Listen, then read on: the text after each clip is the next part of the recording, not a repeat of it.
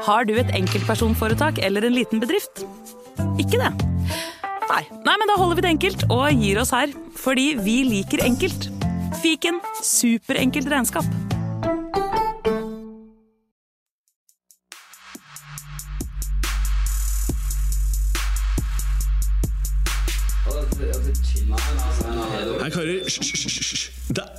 Faktisk sånn at det kanskje er noen som har lastet ned dette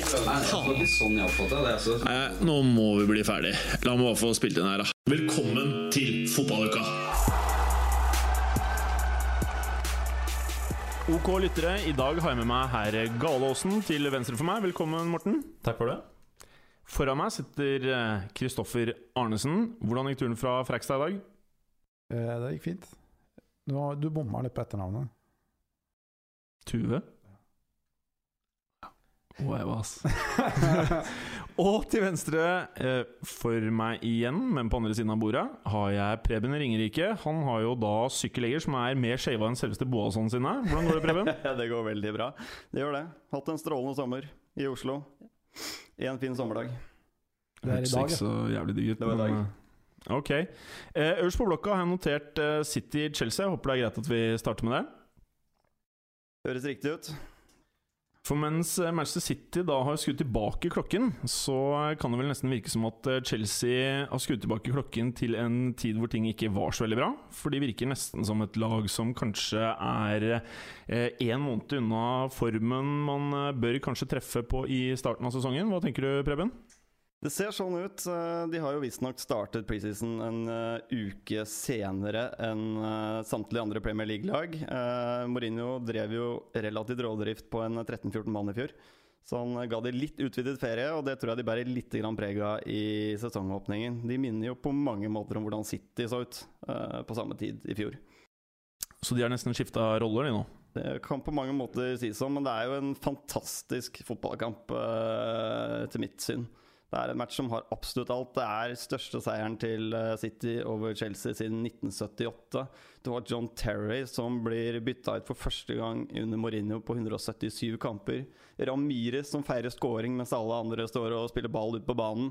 Det er altså så mye elementer her med blod og medical på banen og sacked in the morning etter seg og alt sammen. Så det er fantastisk underholdning. Blod og medical, hva tenker du, Bjarne?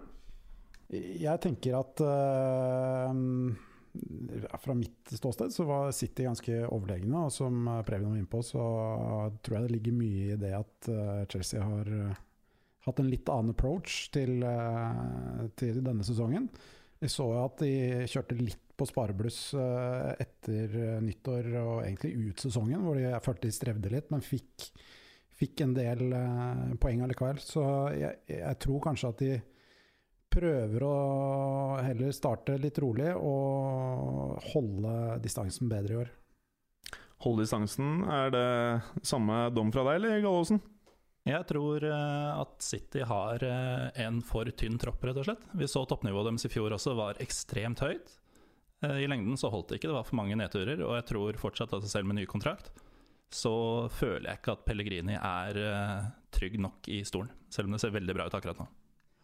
Og eh, hva skal man si om eh, Silva, Aguero, Yaya Toré? Det her er jo eh, Hva skal jeg si? Det er jo det, er det man må ha en stamme i laget. Det kreative sitter, kompani er tilbake, Hearts ser trygg ut mellom stengene. Er dette her et uh, lag som kan ta ligaen, Preben? Det kan de absolutt, men det kommer jo som du sier Morten, an på hvordan de holder dette utover sesongen. Men sånn som de har stått frem nå mot eh, West Bromwich i første matchen og nå mot City, den balansen de har i laget For at Pellegrini har truffet mye bedre taktisk nå de to matchene her enn han gjorde fryktelig mange matcher i fjor, hvor han kjørte to spisser. Eh, De har på en måte tettet igjen på midten. Eh, fått Silva ordentlig inn i den playmaker-rollen. Jaja er jo tilbake igjen. Uh, Vincent Kompani er tilbake der de var for to år siden. Så er det vel annethvert år de vinner ligaen om dagen. For ikke å nevne Bakari. Sanja, som uh, veldig mange mente eh, det var rart at startet foran uh, Sabaleta. Og uh, han mener jeg nå eier høyreback-posisjonen, så får vi se hva som skjer. Kolarov han har også spilt fantastisk bra. Han funka superbra mot uh, Chelsea. Spørsmålet er bare Han har jo av og til en sånn tendens til å variere veldig. Noen kamper så er han eh, the man, og i andre kamper så ser han eh, litt ut som eh, Ivanovic har sett ut eh, de to første kampene, som har blitt totalt avkledd. Hva syns du om det, Bjørne?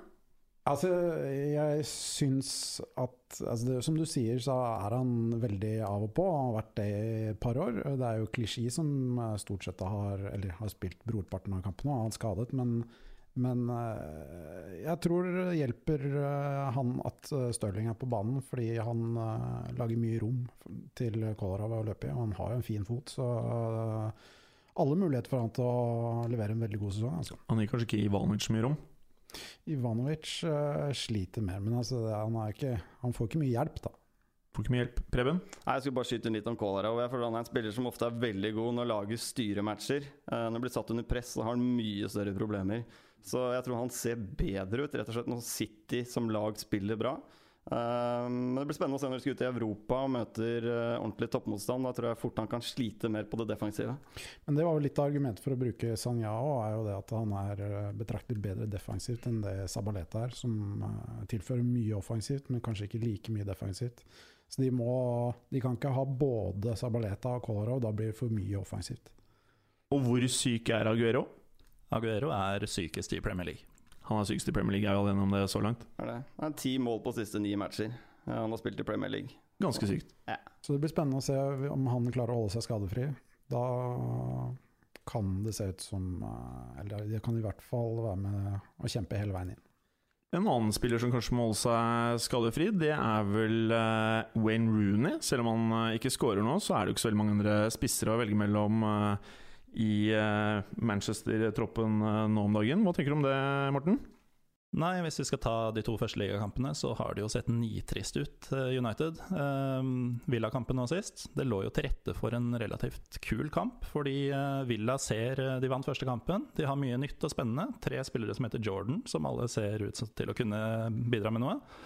Eh, United med en fantastisk statistikk på Villa Park. Ikke tapt her på 20 år. Og det har også vært åsted for noen av høydepunktene. Altså Scholes volleyer og Gigs-ride og sånn. Det vi fikk servert da sist fredag, det var jo et enormt gjesp av en fotballkamp. Hvor Rooney var eh, ja, Jeg vil ikke si en av de verste, men han var Det var et gjesp. ille. ja. Uh, hvis vi kan snakke om en beholdning i den kampen, uh, så vil jeg nevne to ting. Det ene er da målet, fordi mål ofte er gøy. Eh, det var også Jan Usais første positive involvering i en fotballkamp på godt over et år. Eh, så han er allerede bedre enn i fjor.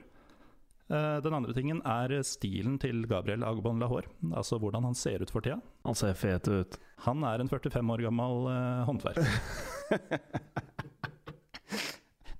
Ellers så var den kampen utrolig kjedelig. Den var faktisk ganske kjedelig. Det var triste saker. Altså, Villa har jo ingenting å by på. Det er, eh, altså det er null kreativitet. Jeg kan ikke, eh, altså De vant 1-0 på en corner uh, første runden, men jeg sliter med å se hvordan de skal skåre så mye mål. Altså. Er dette resultatet de solgte Delf, eller et resultat de solgte Benteke? Ja, begge deler. Mm, hele sentrallinja tenker jeg med Plar ja. og Delf og Benteke. Det blir litt, blitt for mye å erstatte. Men det er litt samme problem med Manchester United har, da, med kreativiteten offensivt. Eh, det er litt påfallende at man tenker at de kanskje mangler en kreativ, offensiv midtbanespiller med fart og god innleggsfot. En slags Di Maria-type. det er jo spesielt. Det er veldig spesielt. Men de har jo Depay, da. Han uh, gjorde jo decent uh, i går. I går mot Klubb Brygge så, så han endelig ut som det som van Gaal mener han er. Eh, jeg har syntes han så like dårlig som Rooney de to første kampene, må jeg innrømme. Han har jo hatt en eh, tendens til å gjøre småting som eh, man trodde at en spiller på hans nivå kanskje hadde lagt fra seg for lenge siden. Som f.eks. det å ta imot en ball og sende den videre til en random medspiller. Det gikk heller ikke helt smooth. Men det kan jo ha noe med at han må sette seg inn i både lag og liga og tempo og alt det som er så er han ung. Han er bare 21? Ja. I en tid. Jeg tror Depay blir bra. En annen spiller som har uh, fått en del eh, tid, og som uh, ser ut til å begynne å skinne litt, det er Romelu Lukaku. Hva tenker du om Everts sjanser på en uh, topp seks-plassering i år, Bjarne? De er forholdsvis bra, de. heldigvis for deres del så slipper de å spille i Europa i år. Ehm, det ødela mye for de i fjor. Så det var ikke før de var ute av Europa at de på en måte begynte å finne seg selv. Ehm, Lukaku ser jo da veldig bra ut. Uh, og jeg, jeg, nå syns jeg ikke sånn spillemessig så var de ikke overlegne Southampton, men eh, de var mye mer kliniske. Og ja Southampton ser skuffende ut, rett og slett. Mm. Uh, nå mangler de jo åpenbart uh, Schneiderlein. Altså det savnet der kommer til å bli veldig stort. Kan Jay J. Rodriguez tilbake i laget gjøre noe? Ja, absolutt. Det blir, uh, det blir interessant å se hva han kan tilføre. Han var jo veldig god før han ble skadet, så han har også levert eh, forholdsvis bra i oppkjøringen. Så skal man heller ikke glemme at uh, forsvarslinja er jo relativt uh, nykomponert. Mm. Og Burton kommer jo snart tilbake fra skade. Men eh, jeg vil jo si det samme, da. At det ser ikke spesielt eh, bra ut. Men eh, jeg betviler ikke måten Southampton planlegger på. Absolutt ikke. Eh, de har vist gang på at de klarer dette greiene her. Mm. Jeg calla jo i fjor, som jeg har blitt erta for veldig mange ganger, eh, live på en TV-kanal for å eh, ha calla at Southampton ville ta fjerdeplassen. Det gjorde de ikke. Men nesten- nesten. når jeg calla det, så så det smart ut. Eh, greit, hva med Ross Barkley? Ross Barkley var eh, veldig bra denne matchen, men han var ganske svak i første serierunde mot Watford, og det føler jeg er mye av problemet for Everton. På sitt beste så er de et veldig godt fotballag, men Lukaku svinger ekstremt. Det samme gjør Barkley. En del av de sentrale spillerne har en av og på-knapp som litt for ofte er av. Et annet lag som eh, kanskje ikke er helt på ennå, Preben, er det Spurs, eller? De er ikke helt eh, på, men samtidig så er det ikke helt uventet heller. De er i en situasjon nå hvor de selger unna mye. Nå er det ikke toppspillere som har forsvunnet siden i fjor, men, eh, men uansett så har de ikke forsterket da, laget eh, på den måten de hadde ønsket. Og det endte jo 2-2 til slutt på, på White Hart Lane. Syv røde kort på de syv siste matchene hadde vært før denne matchen. Mange ble nok skuffet da de så Charlie Adam på benken for Stoke. Eh, ble snytt for det åttende, sannsynligvis. Men, men Tottenham åpner veldig veldig bra. De har full kontroll i første omgang. De eh, skaper sjanser, de får målene med Dyer og Chadley rett før pause. Eh, så er det et lite vendepunkt i matchen når Harry Kane må ut med en føling i låret. For Tottenhams del så er det bare å håpe at det ikke er alvorlig. Er det grunnen til Beraino-budet, tror dere? Uh, nei, det tror jeg er i tillegg til, holdt jeg på å si. Uh, jeg tror de ser Beraino som en spiller som kan uh, både ta midtspissrollen og også en av offensive kantrollen, litt sånn Shadley-rollen. Eh, men en mann som kom innpå for Stoke og snudde mye, var eh, Steven Ireland, som var helt konge da han kom innpå. Uh, En annen spiller som også kan begynne å snu litt ting for Stoke, hvem er det? Shakiri Serdan Shakiri. Ja. Hva i all verden var det som skjedde når eh, Stoke fikk han? Det er to ting som jeg har lagt veldig merke til i forbindelse med denne overgangen. Det ene er da han kom. Da var jeg hos deg hjem, og da sa jeg Cherdan Shakiri skal spille for Mark Hughes. Det i seg selv er absurd. Uh, nummer to, uh, dette så jeg under Tottenham Stoke. Mark Hughes ble rasende da det ble slått en langpasning. Så her er det noe på gang. Her er det noe på gang. Og eh, et eh, annet oppgjør som det virket som det var eh, mye på gang i, det var jo Sunderland eh, Norwich, var ikke det, Morten? Der var det mye på gang. Og det var to forskjellige verdener. To forskjellige verdener. Du har et Sunderland som rett og slett er en hær av rejects. Jeg telte ni spillere i kamptroppen som har mer eller mindre mislyktes i si topp fem-klubber. Norwich er Man skulle tro de var ubeskrevne. De kommer opp fra championship, men de har et veldig rutinert lag. Kun to i elveren var under 27. Uh, Sunderland så helt forferdelig ut. Norwich så Nedrykk, eller? Jeg kan ikke se noen annen grunn.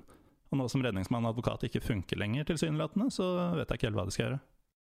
Som er ganske kult med Sunday nå, er jo at uh, hovedsponsoren, uh, Hva heter de? de heter, uh, det er et eller annet bettingselskap. De Ja. har jo ja, De er odds on favorite for å rykke ned. Sin egen draktsponsor. det, er, det er dårlig stilt. Det er en del overbetalte spillere som, som ikke leverer. Eh, Jonas Kabul, han eh, vil jeg anta er en av dem. Altså, det forsvaret deres De har nå hatt to stygge tap mot lag som de skal eh, konkurrere mot på tabellen, sannsynligvis. Eh, ikke sterke motstandere, sju baklengs.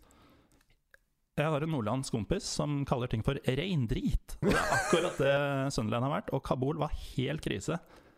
Eh, Kasper Wikestad har jo en tendens til å kalle folk for doktor opprykk og doktor nedrykk. Den karriereveien som Kabul er på vei inn i nå, han er en framtidig doktor Erik. Erik. Ok. Er det noen Erik i uh, Swansea-Newcastle-oppgjøret, Kristoffer? Uh, ja, Newcastle uh, ser ikke fryktelig sterke ut, de gjør ikke det. De eh, ja, Nå ser Swansea veldig bra ut, da.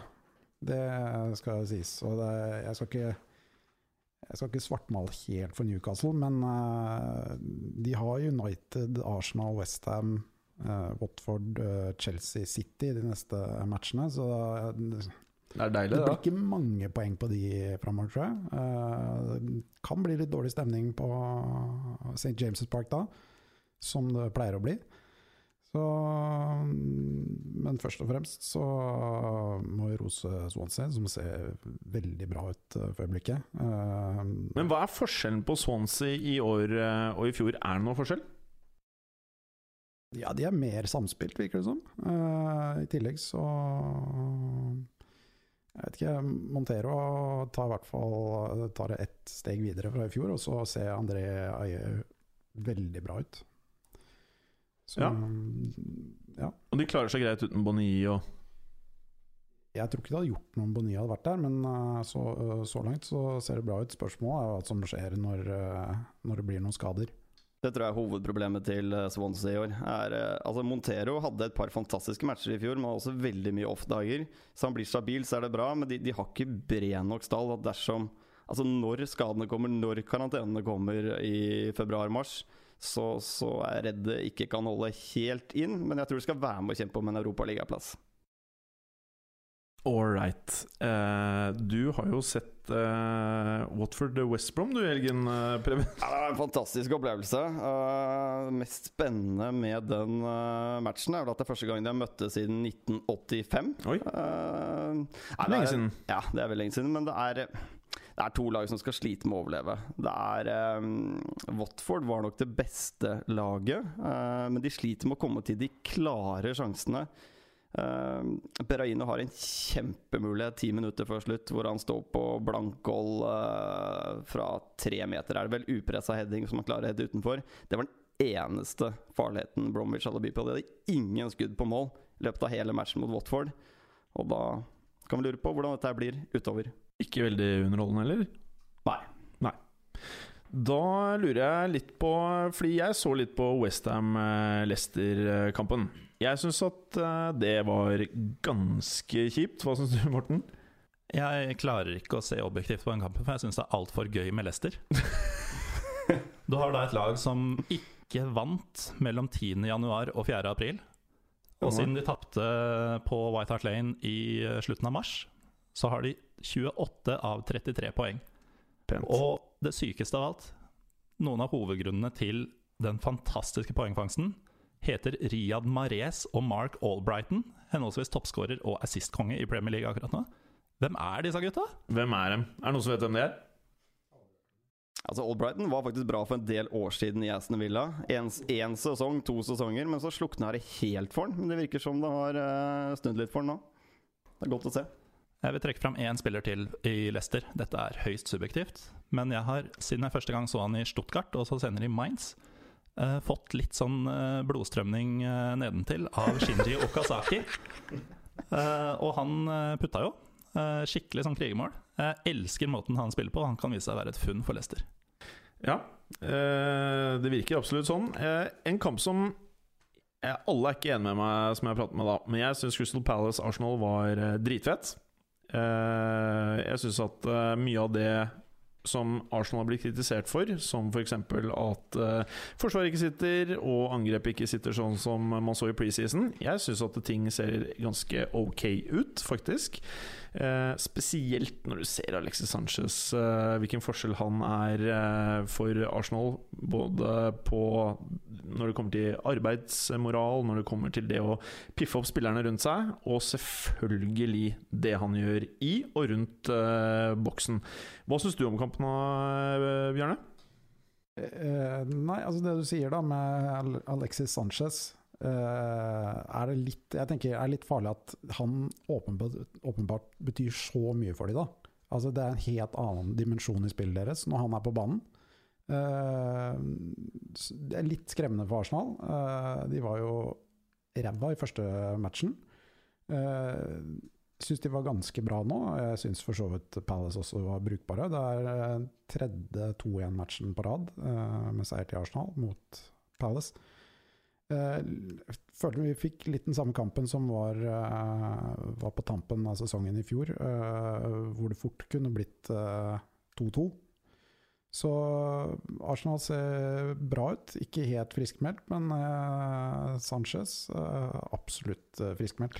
Men hva med Palace, da? Jeg syns de virker dritsexy i år. Jeg digger all den offensive poweren. Jeg digger Pardu. Jeg digger forsvarsspillerne som er med fremme på banen. Jeg digger alt med Palace, jeg. Digger du Conor Wickham? Jeg syns ikke han er den feteste, kanskje. Nei. Men jeg digger veldig mange andre. Ja, for det mange, der på en måte skorter det litt for meg, da. Ja. Når det er mangel på ambisjoner, det føler jeg å hente han.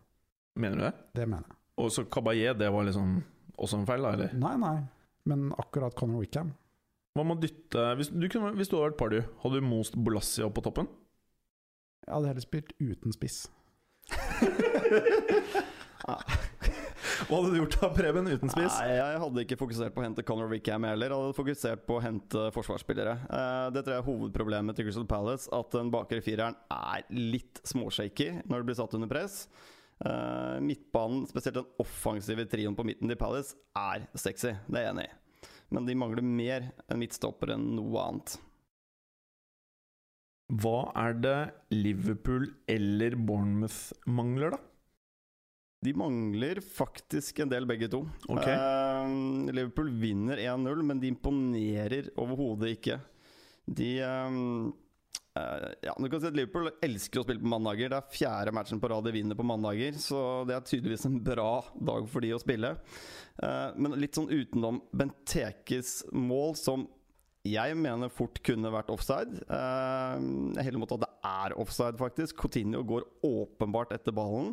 Jeg mener også at Bournemouth kan føle seg litt snytt for at det målet de fikk, ble annullert. Eh, Det er greit å blåse der, men jeg har sett det mange ganger at det ikke har blitt blåst. Angående den siste situasjonen der, så stilte jeg meg spørsmålet om hvis det hadde vært motsatt, ville han blåst? Hvis det var Liverpool som hadde skåra det målet? Foran the cup. Du vet jo hvordan jeg er når jeg eh, dømmer, eh, Kristoffer. Ja. Jeg har jo en 50-50-regel, så jeg får ikke med meg en dritt. Så jeg Du blåser, blåser av meg. ikke, du. Nei, jeg blåser ikke. Jeg syns faktisk det er veldig ubehagelig å blåse. Men vi hadde jo Joshua King fra start. Uh, fikk ca. en time. Gjorde ikke all verden. Såpass ærlig kan vi vel være. Uh, sånn som jeg ser det, så har han ikke helt nivået inne for å takle Premier League. Så spørsmålet er om de kjøpte han eller hentet han vel gratis på bakgrunn av den ene matchen han hadde i fjor mot Stoke, hvor han herja. Men Benteke, er han eh, den spissen Liverpool trenger, eller trenger de noe annet? For at spillestilen sånn som Liverpool fremstår nå, så er ikke Benteke rett mann. Altså, Benteke er en såpass god fotballspiller at han vil prestere godt, men han er jo i utgangspunktet en fyr som er avhengig av å bli fora litt uh, med baller, innlegg. Så jeg skulle gjerne sett at Liverpool spilte mer rundt på kantene, fikk innlegg. De liker jo, altså De har jo Coutinho som liker å trekke inn fra vingen og ta avslutninger selv, så da skulle jeg gjerne sett bekkene komme rundt i så fall, så de får slått noen innlegg. Ja, Føler du Klein er mannen for det, eller? Klein er absolutt mannen for det.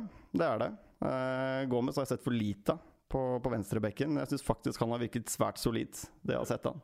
Hvor bra virker ikke Henderson i den kapteinsrollen? Altså, han uh, kommanderer spillere bak på banen, forover på banen, på siden. Altså, han, han setter tempo. Jeg mener at eh, hvis han fortsetter sånn som han har gjort nå, det han har vist i eh, både fjorårssesongen og det jeg ser av han nå, den viljen, den poweren, den energien han har med seg Han har virkelig tatt i seg den rollen. Han skal, han skal gjøre det Gerard en gang gjorde for laget der.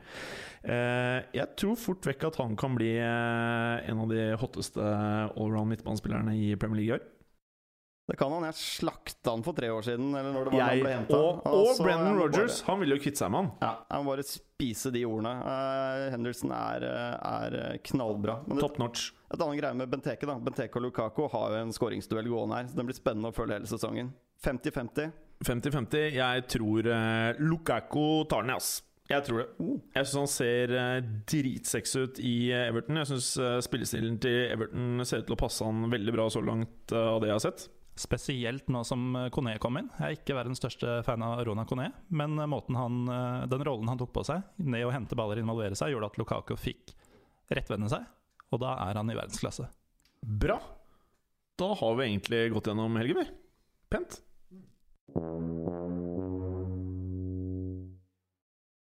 Det jeg er keen på å vite nå, Morten, fra Europa ellers, det er hva er det som skjer i Dortmund om dagen? Åh, Dortmund Mönchenglaber. Mönchengladbach, for en fotballkamp. Det var, altså For oss som husker Dortmund fra et par år tilbake, og det gjør man jo, Man gjør eh, så var det skikkelig nostalgisk. Altså Noen av spillerne som for et par år siden var noen av verdens beste slash mest eh, spennende i sine posisjoner. Eh, vi snakker Gundogan, Hummels, uh, Schmelzer. Spillere som knapt har spilt fotball de siste årene. De var tilbake, og de var tilbake med brask og bram. Er det den nye treneren?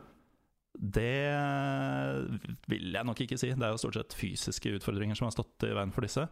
Men eh, den nye treneren har eh, gjort veldig mye fint med begrensa ressurser tidligere. Hva heter den nye treneren? Han heter Thomas Tuchel. Torre. Og en fun fact om han det er at eh, han tidligere også har tatt over et uh, Klopp-lag. Riktignok var Jørn Andersen inne en periode mellom Klopp og Tuchel i eh, Mainz. Men eh, etter at eh, han tok over der, så eh, var han der i fem år. Han hadde en serieåpning med sju strake seire, hvorav én var borte mot Bayern. Og han har også tatt dem til Europaligaen. Uh, han har, står for veldig mye likt som eh, Klopp gjør. Han er veldig glad i lengderetning. Eh, han, laget han skal score. Og eh, han henta jo også i sin tid Okasaki, som jeg var innom i Premier. League-reviewen. en annen ting er at eh, han tilsynelatende har gjenoppliva Henrik Mkhitarian. Åh, jeg gledet meg til du skulle høre prononse navnet hans. For jeg gjør jo det feil hver eneste gang, for jeg sier Maktyrian. Altså, Det er ikke alle som har spurt tilfeldige folk på gata i Jerevan i Armenia om hvordan man uttaler det, men jeg har. Og det var sånn noenlunde svaret jeg fikk. Eh, nå skal det sies, da. Dortmund spilte blendende fotball. eh, og de utspilte egentlig Mönchengladbach, som er et av de beste defensive lagene i eh, Bundesliga, etter alle kunstens regler, mot etablert, på kontringer, you name it. Det kan være altså Bortelaget hadde to veldig unge debutanter i Midtforsvaret, som kan insinuere at det ble i overkant lett for Royce, Aubameyang, Mkhitarian. Jeg tror ikke det var tilfellet. Jeg tror Dortmund rett og slett er tilbake i, et, eh, i en kanonårgang. Det jeg da lurer på, det er eh, Bayern München som eh, moste til i forrige match. Det er jo De har jo både Vidal, Douglas Costa De har solgt Schweini. Det går rykter om at Müller kanskje skal til van Gaal.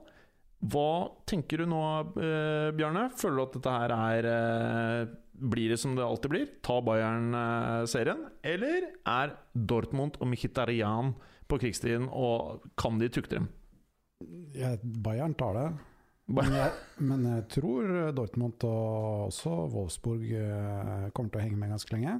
Eh, kanskje enda mer Wolfsburg enn Dortmund. Eh, Oi, men, Hva sier du til det, Gallosen? Eh, den kjøper jeg ikke. Eh, men jeg er enig med deg ellers. Altså, Bayern tar det, det er det ingen tvil om. Men det kommer til å oppleves som mer spennende enn på mange år. Og mye av det kommer til å være de to lagene. Mm. Men eh, når det er sagt, så spilte de mot det dårligste laget i Bundesliga. De burde vel ha rykka ned et par ganger de siste årene. Og de to siste gangene de har vært i München, så har de tapt henholdsvis 9-2 og 8-0. Så 5-0 vil jo tilsi at uh, egentlig at Bayern München er eh, litt dårligere. Det var ræva, det. Ja, det var ikke, det var ikke overbevisende. Akkurat Er Hamburg et slags Sunderland i Bundesliga? Uh, ja, det kan jeg godt si. På overtid? Ja. Pent det. pent det Men si meg Men de klarer seg uten Schweinsteiger, tror jeg. Vidal tror jeg mer enn gjør opp for den jobben han har gjort. Og så Han blir jo ikke noe yngre Schweinsteiger heller, så jeg, jeg, jeg syns det er helt greit. Let's face it, Vidal er en av verdens aller, aller beste på det han gjør. Og det han gjør, er noe av det viktigste du har på et lag. Så jeg mener at eh, sånn sett så er Bayern sterkt styrket over Douglas eh, Costa sommeren. ser også veldig bra ut. Hot shit. Har du noen tanker eh, rundt de nye ervervelsene til Bayern, eh, Gallosen? Helt enig med det dere sier, og det man også må ta med i betraktning, er at Schweinsteiger har knapt spilt for Bayern de siste årene. Han har en eh, Han har muligens hatt en rolle i klubben, men på banen så har de klart seg fint uten han allerede, med Vidal inn. Enda mye bedre. Et uh, annet lag, det er en helt annen uh, liga, da, uh, som har skiftet klubb. Det er jo Angel Di Maria. Han gikk jo fra, som vi vet, fra Manchester United til eh, PSG. Eh, tror du vi kommer til å få se Real Madrid Di Maria, eller kommer vi til å se Manchester United Di Maria? Ganske overbevist om at det er Real Madrid Di Maria som dukker opp i Paris. Nå spilte ikke han nå i, i helgen, gjorde heller ikke Zlatan, men det, en, det var et PSG på krabbegir som vant 2-0 mot et uh, Ajaccio-lag som, som er relativt svakt og kommer til å få det tøft i år. Lyon vinner også oppskriftsmessig 1-0, uh, men den store snakkisen som vi må innom, er faktisk El Loco. Marcelo Bielsa, som eh, etter første serierunde, etter at de tapt 1-0 på hjemmebane mot uh, Cannes, sa opp. Eh, spillere var ikke informert. Det er loco. El Loco. Så nei, det er mye kontroverser med styret. eh, spillere som har forsvunnet. Dimitri Payet, som er nå i Westham. Du har Signac, som har gått til Mexico. Eh, av en eller annen grunn. Ja. Uh, gikk på dagen. Nå drar jeg hjem, sa han. Det som eh, slår meg når jeg ser eh, Lyon, det er Alexandre Lacassette. Er for meg en av de aller, aller beste avslutterne i verden akkurat nå. Og jeg mener at uh, klubber som uh, Arsenal, som veldig mange mener ikke har en bra nok spiss til å kunne ta serier eller å ta turneringer, så mener jeg at uh, det er en fyr som kanskje ikke blir en sånn hold up-guy nummer ni som har blitt så populært i moderne fotball, men han er altså helt vill på avslutninger. Er han en spiller som har betydd noe for Lyon nå i de første kampene? Ja, Definitivt så gjør han jo det, men uh, du har jo Fikiri der som gjør en god jobb. Uh, men når jeg er inne på Lacassette, så har han nettopp signert en ny kontrakt med Lyon. Så løpet er på mange måter kjørt denne sommeren og for så vidt i jula. Det blir jo ikke snakk om noe før, uh, før neste sommer på Lacassette, men på et tidspunkt så stikker han fra Lyon. Vi må også ta med at eh, Lyon har jo faktisk kjøpt uh, Mathieu Valbuena, som eh, kan være en meget god mann til å fòre Lacassette denne sesongen. Det må jeg si meg enig i. Hva tenker du, Kristoffer? Jeg er helt enig. Det virker som om eh, spillerne kjøper det prosjektet som er på gang i Lyon. Eh, det er mye ungt der, og det er mye fransk. Eh, det ser ut som det er eh, noe bra som skjer. De er på vei til å bygge ny stadion, som eh, skal også hoste noen kamper i eh, EM.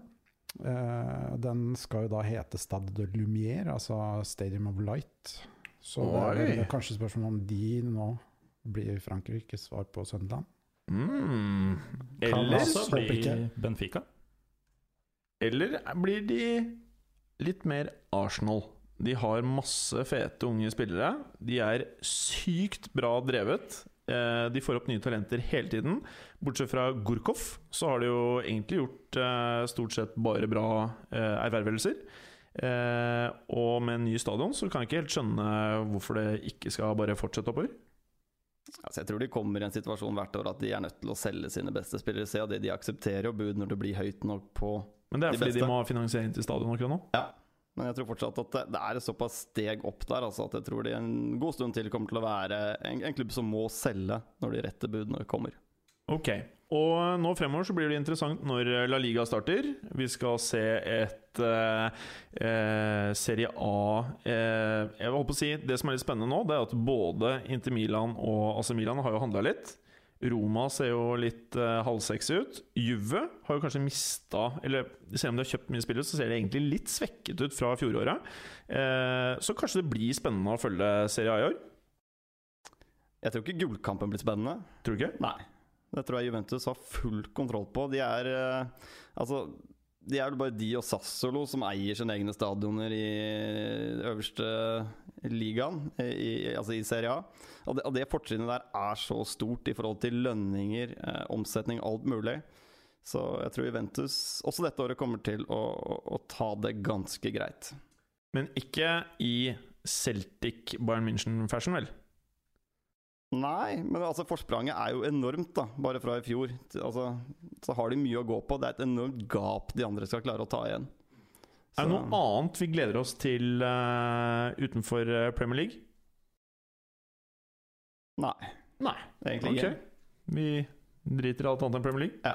ja. All right, da er vi ferdig.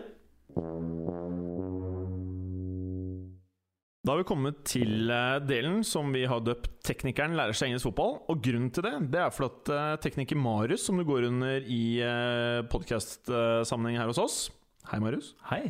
Du kan ikke så mye om eh, Premier League, du. Nei, det er riktig. Eh, det kan jeg rett og slett ikke, så det er på tide at jeg lærer meg noe om de lagene her. Ja, Men du ser på fotball, gjør du ikke? Absolutt.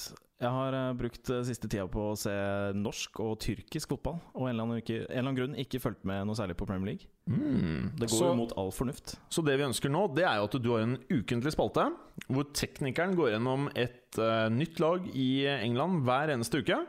Og det her kan jo bli morsomt for oss også, fordi du kommer til å gå gjennom både trivia, fakta og det ene og andre, gjør du ikke det? Jo, det er helt riktig. Jeg kommer jo også til å lære ting som dere selvfølgelig kan. Ja. Men dette er, eh, ja, dette er min eh, livlinje ut til dere der ute som kanskje ikke kan så mye.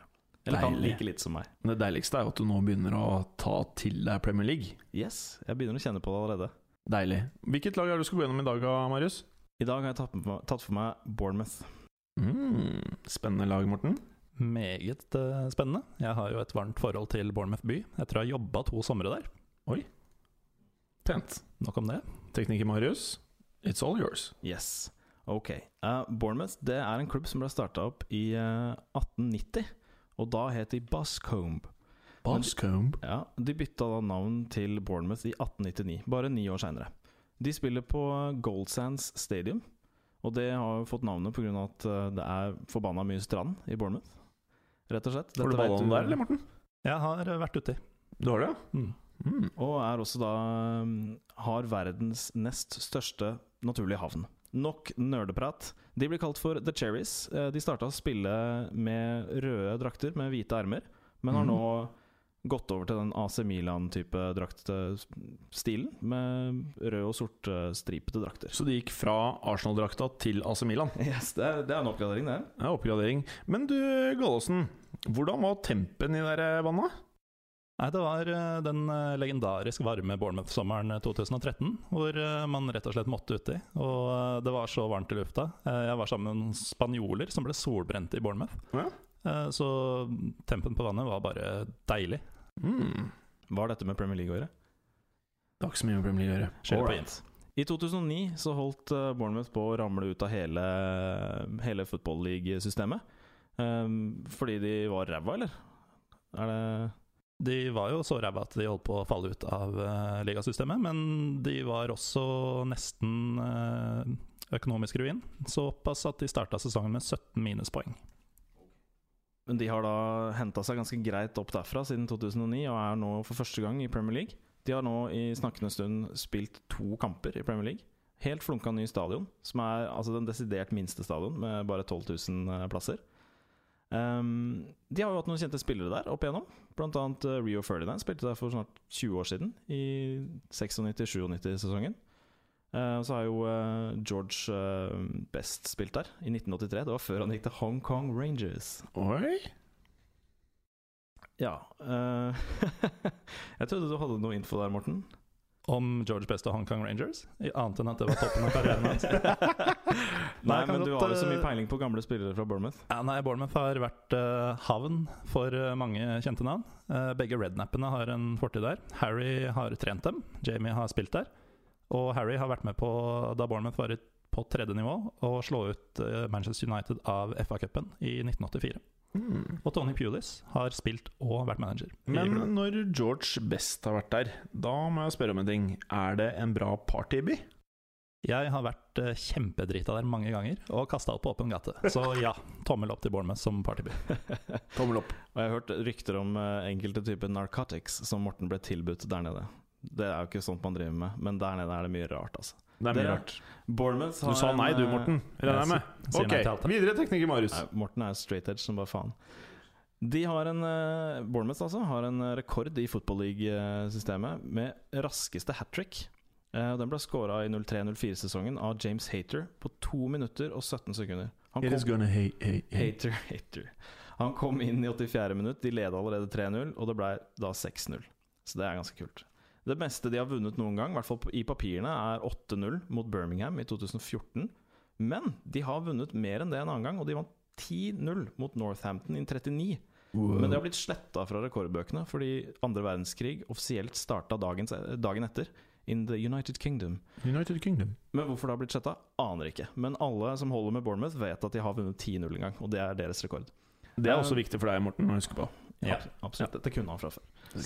Fun facts om Bournemouth som by. Eh, det bor 130, nei, 183 000 mennesker der. Um, de innehar verdens største dusj. Guinness rekordbok i det. Eh, rekord. Mm. Har du vært der, Morten? Ikke som jeg husker. Morten, Morten dusjer ikke. Eh, Winston Churchill holdt på å dø der. Eh, som 18-åring så var han i en fallulykke. Ramla ned fra en bru. Dette finnes det bilder av på internett. Det står okay. via internett. Eh, de har også verdens korteste vertikale jernbane. Den er 39 meter lang. Ja, den er faktisk bare 29 meter lang. Bare 29. Fordi det er det, det, er det man kjører. Veldig interessant tekniker, Marius. Vi kan nevne rivaler. Det er gøy. Erkerival. Dette vet Morten. Har du lyst til å prøve å gjette, Jim? Eh, Arsenal pga. draktene? Nei. Southampton. Oi, Southampton. Et annet strandlag. Hawaii-musikk der. Takk for meg. Takk til deg, tekniker Marius. Så ser vi frem til uh, ditt neste show til uka. Maybe someone's uh, don't like me, but because I'm maybe I'm too good. I don't know why. He has zero titles, and I have a lot of them. Listen, I've just told you I'm concentrating on my football, which I'm doing all summer. There's only one Zlatan. Sure? Yeah. Do you know Zlatan? It was your hand or the hand of God? Cheers. For me, man. I thought it was funny. Så har vi kommet til uh, ukas uh, frekkas. Og her er jo planen at vi skal gå gjennom litt uh, kule greier som har skjedd i uh, fotballverden. Det kan være sånn som ligger i ordet. Noe som er frekt sagt av en eller annen. Man kan ha på seg frekke øredobber. Frekke sko. Man kan rett og slett krasje bilen òg, f.eks. Hvis man har en rask italiensk hest. Skal vi starte med deg, Bjarne? Ja, det kan vi gjerne gjøre. Eh, Jeg ønsker å fokusere litt på Sunderland, som vi har dissa litt eh, tidligere i dag. Eh, Og det nyeste her er nå, at Jermaine Defoe, bortimot den eneste som kan skåre mål på laget, ønsker seg bort og skal da nettopp være aktuell for Bournemouth. Hvor han har vært på lån en gang tidligere og Mm. gjort det særdeles bra. Det håper jeg skjer. Så det er frekkasen. Mm. Preben? Jeg er opptatt av en annen uh, målsnik. Roberto Soldado er mannen som skal skyte via uh, opp til en respektabel uh, plassering på tabellen i La Liga i år. Og som seg hør og bør, så ble um, Soldado uh, presentert for uh, hjemmefansen på El Madrigal denne uken. Uh, og Da er det jo alltid sånn at man skal trikse litt, showe litt, vise frem kunstene sine. Uh, og skulle avslutte seansen med å skyte et par baller opp til uh, fansen på tribunen. Bomma ca. med 40-50 meter. Ikke bare én gang, men to ganger. Så Villarreal-fansen de fikk en liten forsmak på hva, hva, hva, hva som venter dem. Det hørtes ut som du nettopp oppsummerte Tottenham-karrieren hans.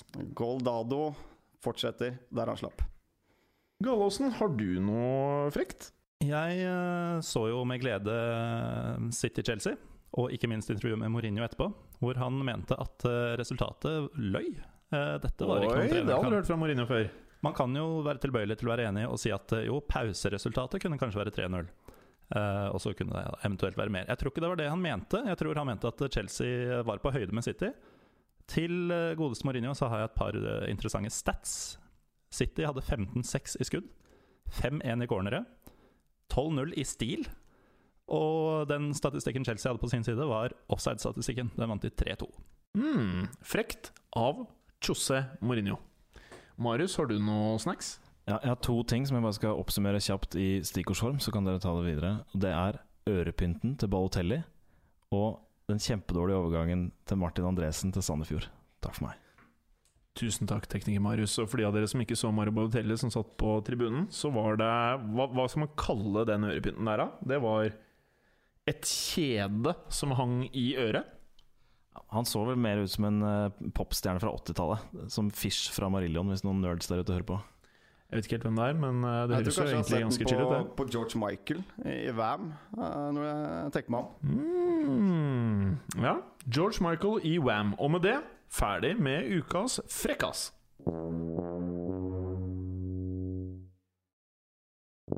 Så har vi kommet til eh, kommende Premier League-runde, og eh, der er det jo spesielt kanskje ett oppgjør som skiller seg ut fra mengden, i at eh, på et eller annet tidspunkt så var jo Liverpool også betraktet som en av topp fire-klubbene.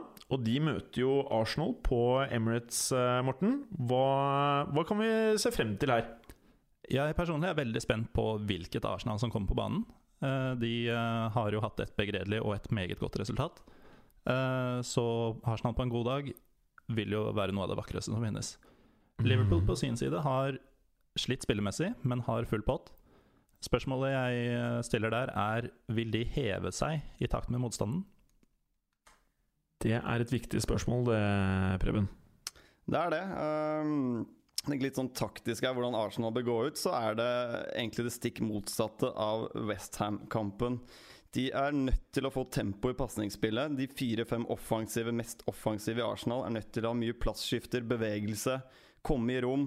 Bekkene må opp, de må få ballen fra side til side for å sk for, altså, skape sprekker i, i sannsynlige Liverpool midtbanemuren som kommer til å stå der, og, og prøve å komme inn i mellomrommet foran midtstopperne, så de får utfordret uh, Skertel og Lovren langs bakken.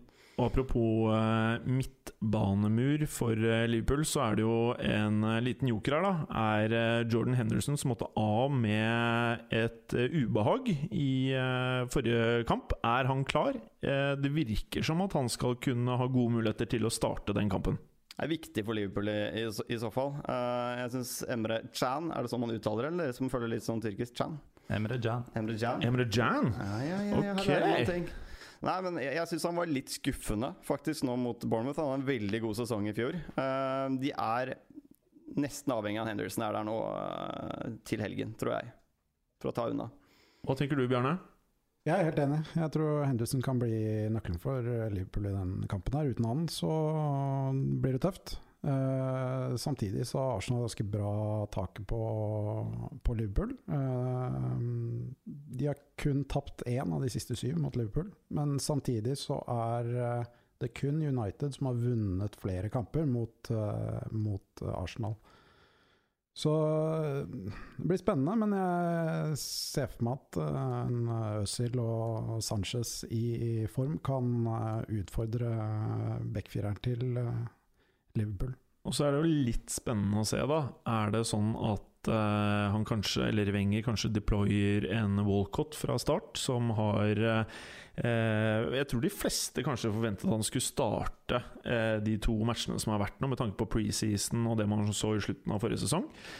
Farten hans kan jo by på litt trøbbel for to rookie-defendere i Liverpool-forsvaret, og en kanskje ikke altfor rask midtstopper i Skertel. Så det er også en potensiell joker her, da. Ja. Jeg ser at flere langt på vei har friskmeldt uh, Louvre nå, Uh, på bakgrunn av de to siste kampene. Jeg er ikke helt sikker på om han er 100 friskmeldt uh, ennå. Det er kanskje Liverpool-supportere som har gjort det, eller? Uh, ja, det er det vel sannsynligvis, men det er flere eksperter også som har ment at eh, han ser ut som han gjorde i Southampton. Vi er eksperter. Har vi friskmeldt han? Nei, men altså, det er ikke, ikke drømme, ennå. det er ikke drømmemotstanderen for, for, for loveren, dette her. Uh, når han blir utfordret langs bakken, så er han ofte shaky. Uh, han passer bedre mot uh, lag som slår mer innlegg, hvor han kan stå og stange ut. Bra. Uh, da er det jo sånn at godeste Manchester United, som var i ilden i går, Morten De eh, kan kanskje forvente seg en Depay som fortsetter å klinke inn baller i nett, eller? Det kan godt tenkes. Eh, Jeg hadde i grunnen eh, ingenting spesielt å se fram til når det gjelder United Newcastle, inntil jeg så Brugge-kampen i går. Nå har jeg et par ting. Den ene er Depay, som ser ut til å ha funnet ut hvordan dette skal gjøres i United-drakt. Mm. En annen ting er backparet. Jeg har veldig trua på Shaw og Darmian. Eh, og det skal også sies at med Depay på venstrekant og en Shaw som stadig blir bedre, uh, så skal høyrebekken på Newcastle, eller høyresiden til Newcastle, som sleit veldig med Jefferson Montero, de kan få kjørt seg. De kan få kjørt seg. Så er det jo eh, godeste Crystal Palace, som jeg er veldig bullish på. Eh, De skal jo ta imot et eh, Aston Villa-lag som eh, vi har pratet om tidligere. Har mista to ganske viktige brikker. Og ser vel ikke akkurat ut som en uoverkommelig motstander for eh, Palace på hjemmebane, Kristoffer? Absolutt ikke. Eh, nå skal det sies at eh, det som regel blir lite mål når de møter hverandre. De fire siste møtene så har det blitt tre mål totalt. Eh, tilsvarende kamp i fjor endte med Aston Villa-seier, og da 1-0. Eh, Dere kan jo gjette hvem som skårte det ene målet for Aston Villa. Benteke. Riktig. Han er som Og kjent Benteke ikke der. og Benteke og Benteke. Har du hørt den? Ja. Så eh, nei, jeg er, eh, jeg er spent på den kampen. Jeg ser for meg lite mål. eh, Så jeg er kanskje litt spent på om eh, Tim Sherwood sender ut på Traoré for å for å kanskje få inn noen kasser. Jeg, vet- jeg vet ikke, eller litt kreativitet. Både Herles Hill og, Hvem faen var det? og Hva var det du sa for noe? Graylish er jo ute. Det er jo på en Hva var det første du sa? Hill. Hill? Hill. Ok.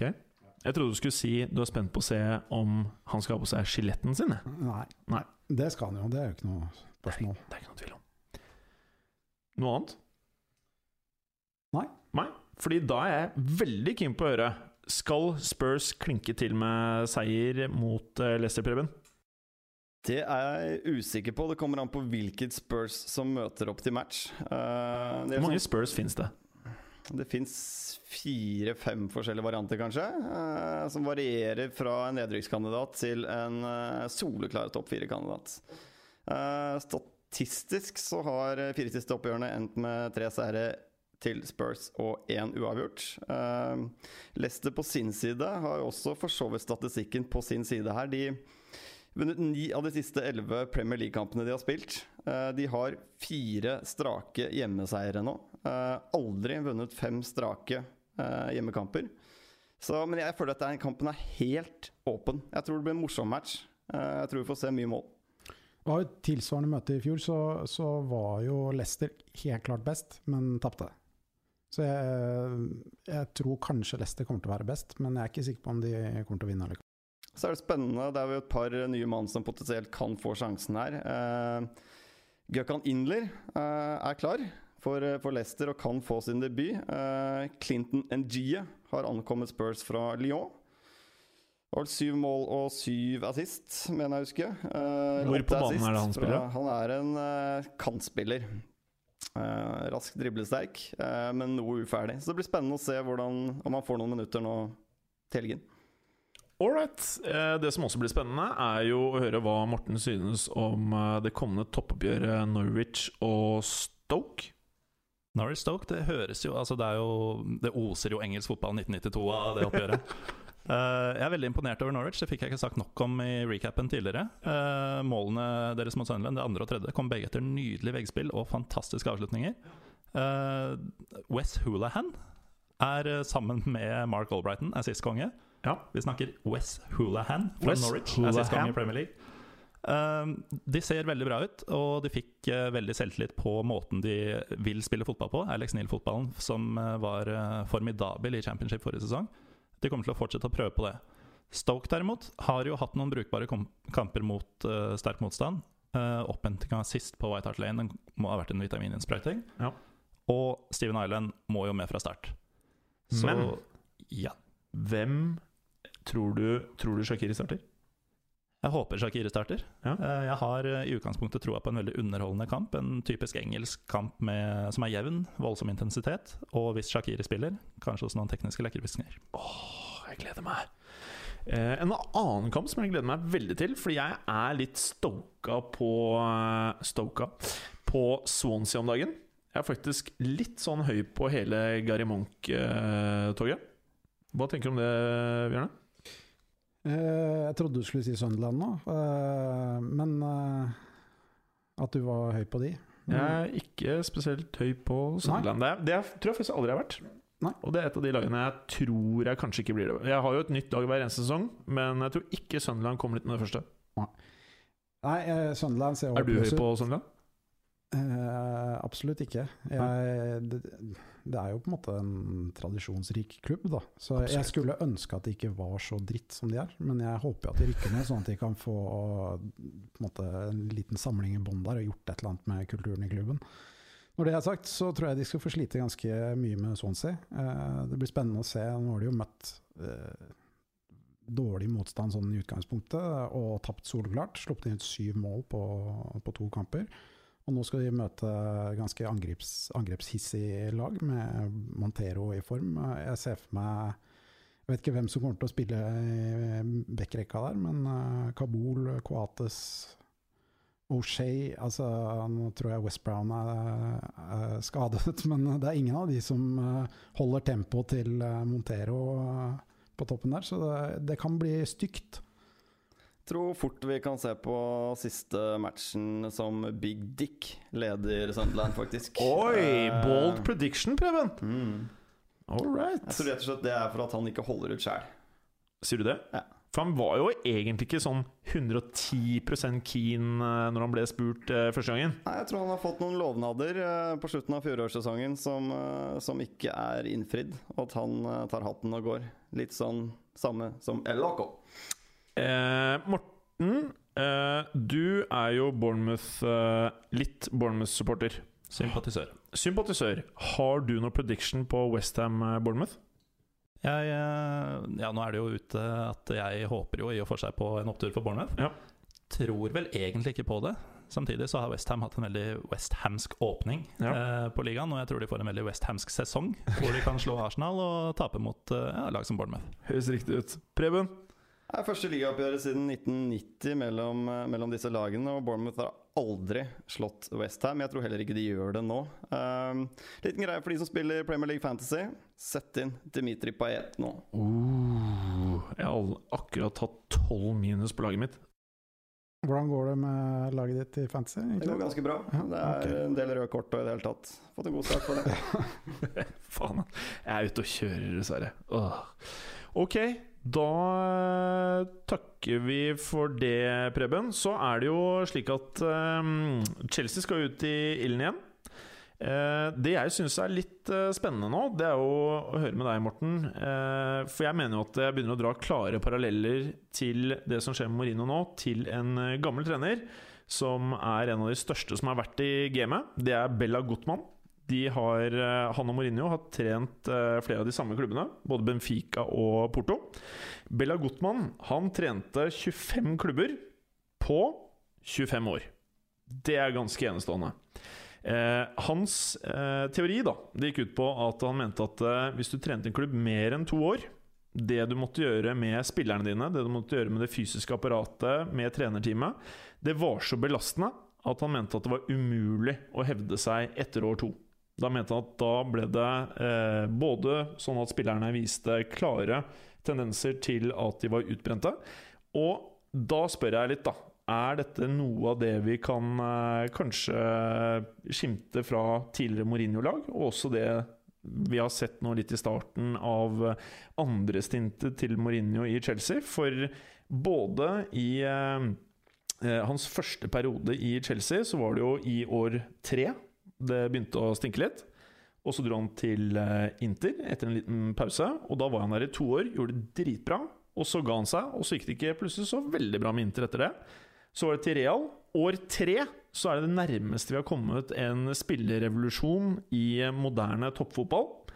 Eh, og nå er han tilbake i Chelsea. Hadde et så som så første år, hvor han eh, hadde unnskyldninger som gjorde at det var legitimt. År nummer to så tar han det med en bitte liten stall, og nå begynner det å lukte litt Bella Gutmann igjen, eller Morten? Det var et langt spørsmål, Tim. Uh, ja, det lukter jo litt Bella Gottmann. Uh, det lukter også Mourinho, uh, ifølge din egen oppramsing. Eh, nå er jeg ikke helt sikker på om den eh, teorien er eh, gjeldende for eh, sånn generelt, men eh, sterke personligheter som samtidig er litt dårlige tapere, som eh, Mourinho og vår egen Tom Nordli, eh, de kan fort eh, bli utsatt for den. Og det er mye som ulmer i Chelsea nå. Ja. Eh, Terry bytta ut for første gang på en mannsalder. i sist kamp. Som vi var inne på i Frekkisen, det var jo Mourinho hadde jo ikke sett riktig kamp mot City. Det er mye rart der nå. Eh, det medisinske apparatet, behandlinga der. Eh, så det er vanskelig å si eh, hva som skjer i Chelsea, men det ser eh, litt mørkt ut i kulissene. Kan masse spenn, bare kaste penger på eh, forskjellige spillere nå, kan det løse noe? Er det det som er greia, eller er det noe annet? Jeg ser ingen store svakheter spiller for spiller eller i troppen til Chelsea. Jeg tror ikke penger er løsninga her. Jeg tror det stikker dypere. Alright. Da er det jo sånn at uh, Manchester City, som flyr høyt om dagen uh, De skal jo da møte Everton, som også flyr litt om dagen. Eh, jeg er veldig spent på hva som skjer der. Hva tenker du, Bjørne?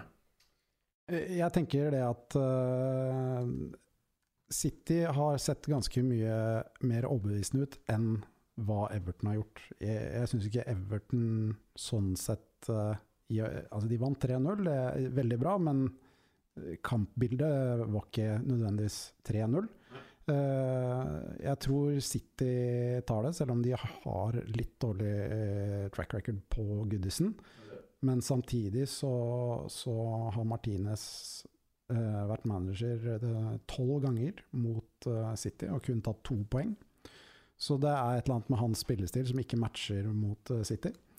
Så jeg tror eh, det fortsetter. Jeg er ganske sikker på at eh, City tar det, men det blir nok en eh, jevnere kamp enn det vi har sett eh, i de andre City-kampene. Spennende. Så er det jo Watford Southampton. Southampton har hatt eh, en I hvert fall Jeg trodde de skulle starte noe bedre enn det de har gjort. Eh, kan det godt tenkes at de plukker opp en, eh, de knuste bitene nå til helgen, eller Preben? Det kan absolutt skje, men samtidig så tror jeg Watford borte blir tøft for eh, mange lag i år. De har eh, selv vært på Vicarage Road, eh, Bjarne og jeg, en gang, og det er en ganske sliten stadion. Relativt intim. som jeg tror blir tøft å komme til for mange lag. Det er jo to lag her som ikke har møtt hverandre veldig ofte. Sist gang var i 2011-2012, hvor, hvor Southampton vant begge kampene. Men det viktige for Watford her, det er å få i gang eh, godeste Troy Deeney, som hadde 21 skåringer i Championship i fjor. Noe Ja. mer? Nei. Nei. Da er vi klare for helgen. Jeg ser i hvert fall eh, frem til flere av oppgjørene. Eh, takk til dere. Uttalelser fra fotballverdenen Det er kanskje det jeg gleder meg aller mest til. Og det som er vel så viktig som om dere klarer å besvare spørsmålene, det er hva slags lyder dere har valgt å ha med dere på, eh, på podcasten her til å representere dere. Få høre din, eh, Morten. Mm, interessant. Hva er det for noe? Det var en lydmaskin som eh, simulerer oppkast. Veldig deilig. Preben? Jeg har med en eh, 17. mai-saksofon som lyder slik. Pent. Og da er det deg, da, Bjørne. Eh, Å ja. Du var så kreativ og tok med deg nøkkelknippet ditt? Ja, det er ikke alltid jeg har med det. Nei. Jeg bor på landet, vet du, låser ikke døra der, så jeg trenger ikke nøkkelknippe. All right. Da tror jeg vi begynner uh, rett på um, første quote fra fotballverden. Uh, unnskyld, engelsken min. I could have earned more elsewhere. Preben? Deilig å vinne første, altså. Jeg tror det er eh, Sergio Ramos, Ramos. som eh, mange mistenker har brukt Manchester United for å få en bedre kontrakt i Real Madrid. Nei, det kan han ikke ha gjort. Nei, jeg kan ikke tenke meg Nei, det kan ikke tenkes. Nei. Jeg tror han elsker klubben, ønsker å bli der. Ja. Men han kunne tjent mer penger et annet sted. Ja. Han kunne tjent veldig Det er stort av han å bli i Real Madrid da. Ja, det er så stort. Han ofret nå, altså. Ja. Greit. 1-0 til eh, Preben. Den her er litt lang. All the media has written for one year that I have to put him in the striker's position, so it's amazing that after two games you're doubting your own opinions. Morten Eh, Det høres veldig ut som eh, Louis van Gaal. van Gaal. Helt riktig. Helt riktig. Og jeg tror ganske sikkert at han snakker om Wayne Rooney. Uh, ja. Og jeg er en av de som doubter uh, disses opinions. Jeg syns ikke Rooney har noe å gjøre på spissplass. Jeg er helt enig, jeg. Er det flere som er enig? Jeg føler at han har blitt en Paul Scholes. Paul Scholes? Ja. Minner mer og mer om Paul Scholes. En litt sånn gammel fyr som bare sakte, men sikkert nærmere og nærmere eget mål. Men han skal ikke ned på midtbanen og, som i fjor, eller? eh? De har jo ingen andre oppå der, da. Så er Henter han en spiss, så er plassen hans rett bak denne. Ja, nummer ti. Apropos Paul Scholes, så har han jo uttalt at eh, det ikke er helt usannsynlig at han skal spille fotball på toppnivå igjen. Nok om det. Ett poeng til Preben, ett poeng til eh, Morten. Neste quote You'd almost hope that Eden Hazard would have diarrhea. Vincent Company. Ja Hvorfor sier han noe sånt, da? Han er, er litt slemt, da. ja, åpenbart uh, livredd for å møte han. Da. Han er såpass god fotballspiller at han eh, har jo blitt rundspilt tidligere. Så han hadde diaré, da, i og med at det gikk så bra? Ja, Åpenbart. Det vites ikke. Jeg vil bare skyte inn om dette sitatet at uh, med bakgrunn i mitt valg av lyd Dette er jo min favoritt så langt. Eh, det at han i det hele tatt bruker diaré på en pressekonferanse, eller hva det er, det er helt fantastisk. Det er deilig. Det er for menn. Det er for menn. Og for podcaster. Mm. Da er det ett poeng til hver av dere. Jævlig spennende. Neste quote. Er dere klare? I think they have signed Memphis Depay for 31 million pounds, but they already had somebody in the ranks that is more talented.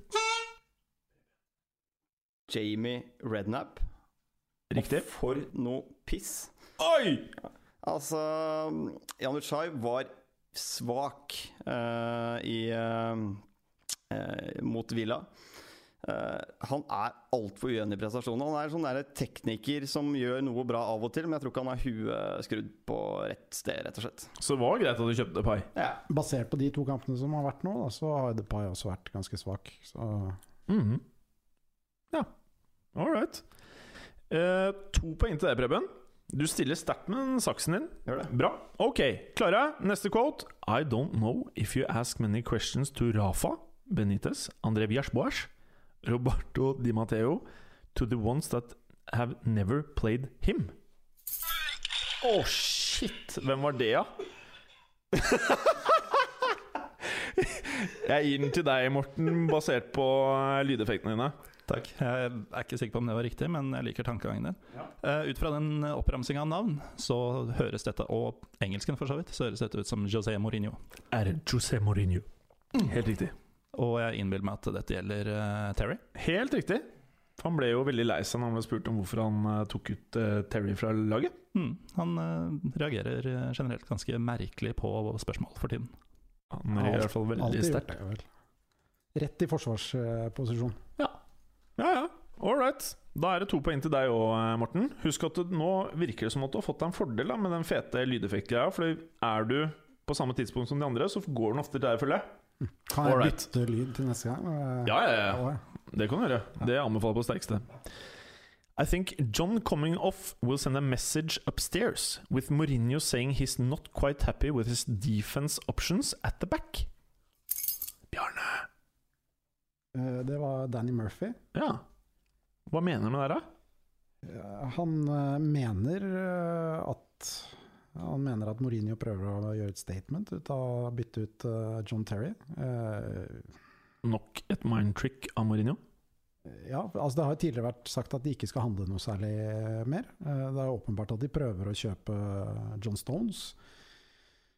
Eh, Ja, jeg, jeg ser ikke helt at de trenger noen, jeg, sånn i utgangspunktet, så For de har jo Kurt Zuma i uh, sivet. Ja. Han er ikke noen dårlig forsvarer, han. De har Eller jo en 50-60 juniorspillere som banker på døra også, så det er muligheter for å hente opp noen eh, De har jo et helt annet lag de bare kan plukke av, som også heter Anderlecht. Ok, karer. Da er det to, to, to. Det er to spørsmål igjen. Keep it going. Her er neste. There are good opportunities just below that level to still have a fantastic time in the Premier League. Preben. Er det Marcus Helt og riktig. hans uh, Stoke Alona? Yeah!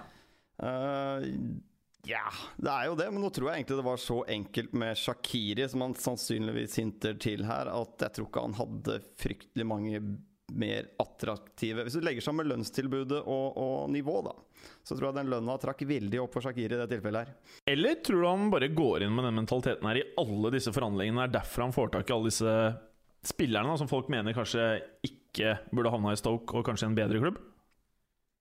Who knows? Tre poeng til deg, eh, Preben.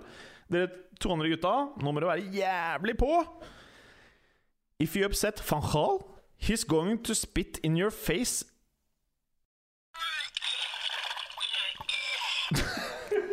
Morten. Var det meg? Eh, ja, uh, jeg leste faktisk dette. Uh, litt usikker på navnet. Jeg tror han het Gordon Hill. Helt riktig. Tidligere United-spiller. Helt riktig. Jeg lurer litt på hva han vet om hvordan van Gaal er. Tror ikke de har pleid så veldig mye omgang, Nei. men jeg er helt sikker på at han har rett. Det har jeg òg. Da er vi faktisk ferdig. Preben tre poeng, Morten tre poeng. Det som skjedde, vi fikk egentlig ingen vinner, men vi fikk en taper. Kristoffer. Det er mye viktigere, faktisk. Det er greit. Takk for at du gadd å høre på. Vi er Fotballuka på Twitter, Facebook og Instagram. Følg oss gjerne. Ses neste uke. Men bare få høre. Den tror jeg blir litt fet.